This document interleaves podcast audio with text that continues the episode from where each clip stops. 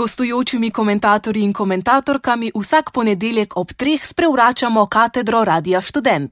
Premislimo izobraževanje pod katedrom. Akademikova čista miza, znanilka zaupanja in svobode. Naj začnem s citatom, ki je pripisan Albertu Einsteinu. Če neurejena delovna miza odraža neurejene misli, kaj torej odraža prazna miza? Pričakovan odgovor bi seveda bil prazno glavo, ampak v današnjem prispevku bo šlo za nekaj malce drugačnega. Sindrom prazne glave tu ni izključen, vendar želim izpostaviti predvsem problematiko vse bolj uveljavljenega trenda tako imenovanega načela čiste mize na univerzah.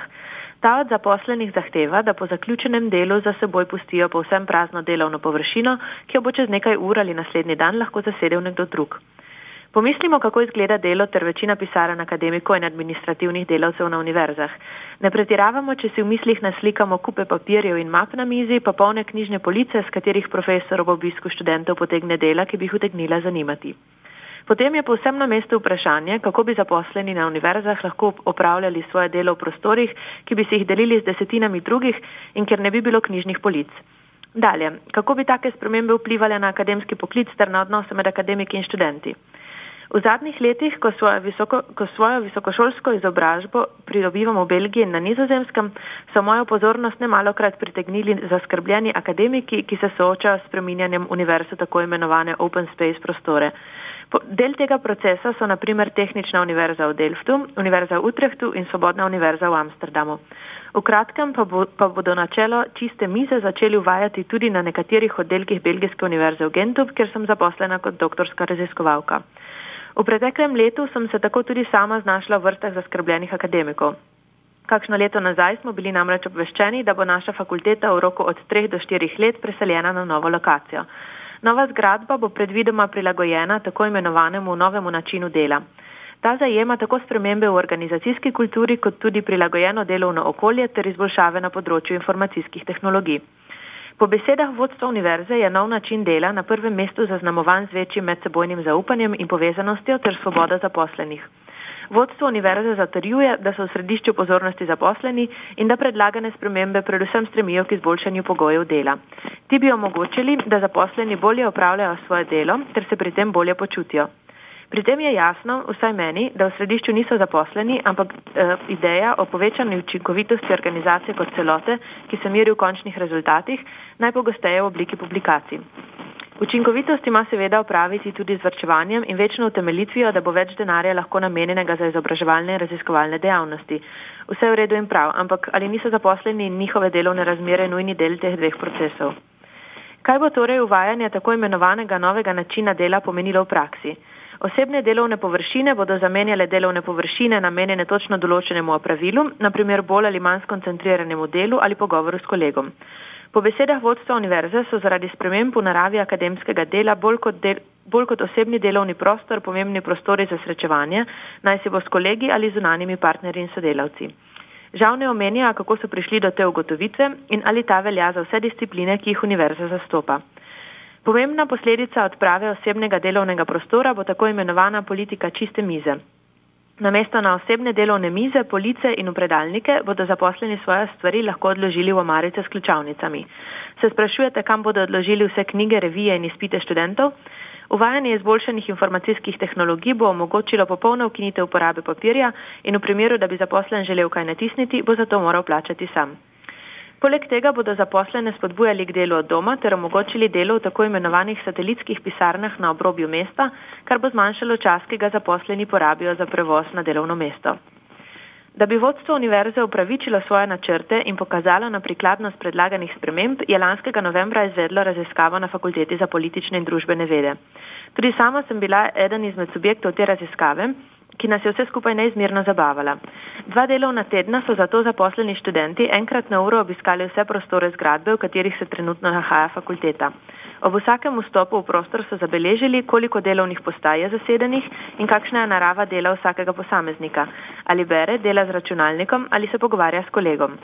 Zanimivo. Kljub temu, da naj bi predlagane spremembe v središče pozornosti postavljale zaposlene, raziskava ni vsebovala vprašanj o tem, kaj si o vsem skupaj mislimo mi. Kaj šele, da bi nas vprašali o naših potrebah in idejah v povezavi s premembami. Namesto tega smo bili čez nekaj mesecev seznanjeni z rezultati raziskave, ki so pokazali, da je povprečna zasedenost delovnih prostorov na naši fakulteti zgolj 35, najvišja pa 63 odstotkov.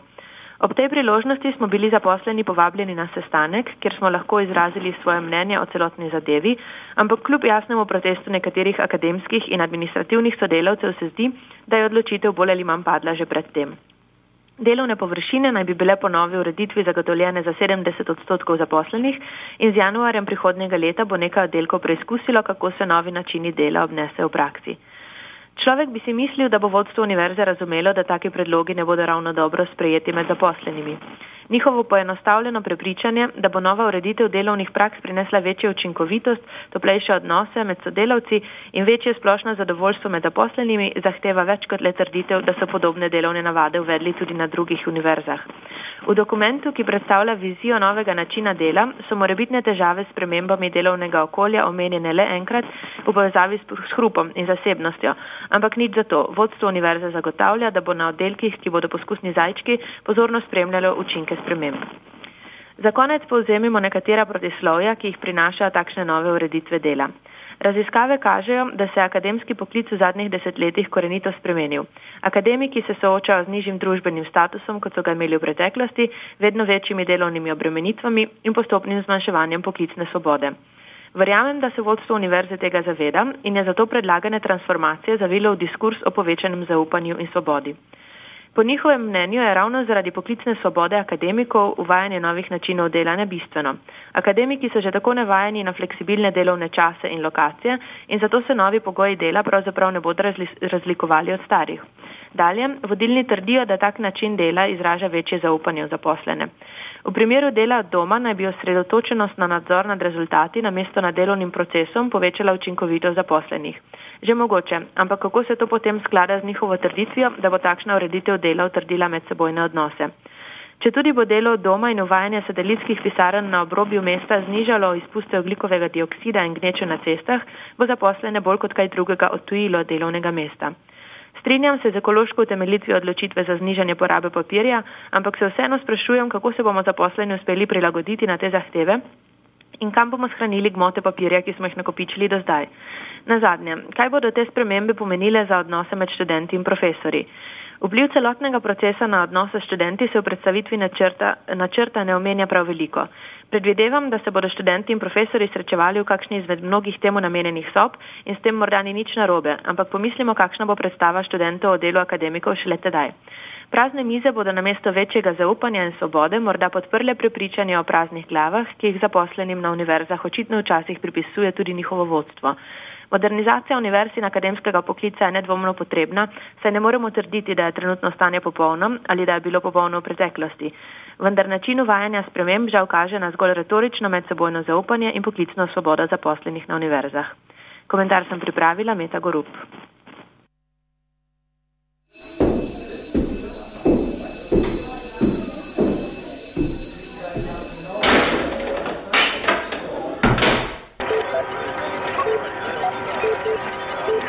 Intelligent. They are smarter than the most up-to-date supercomputers. We cannot underestimate them.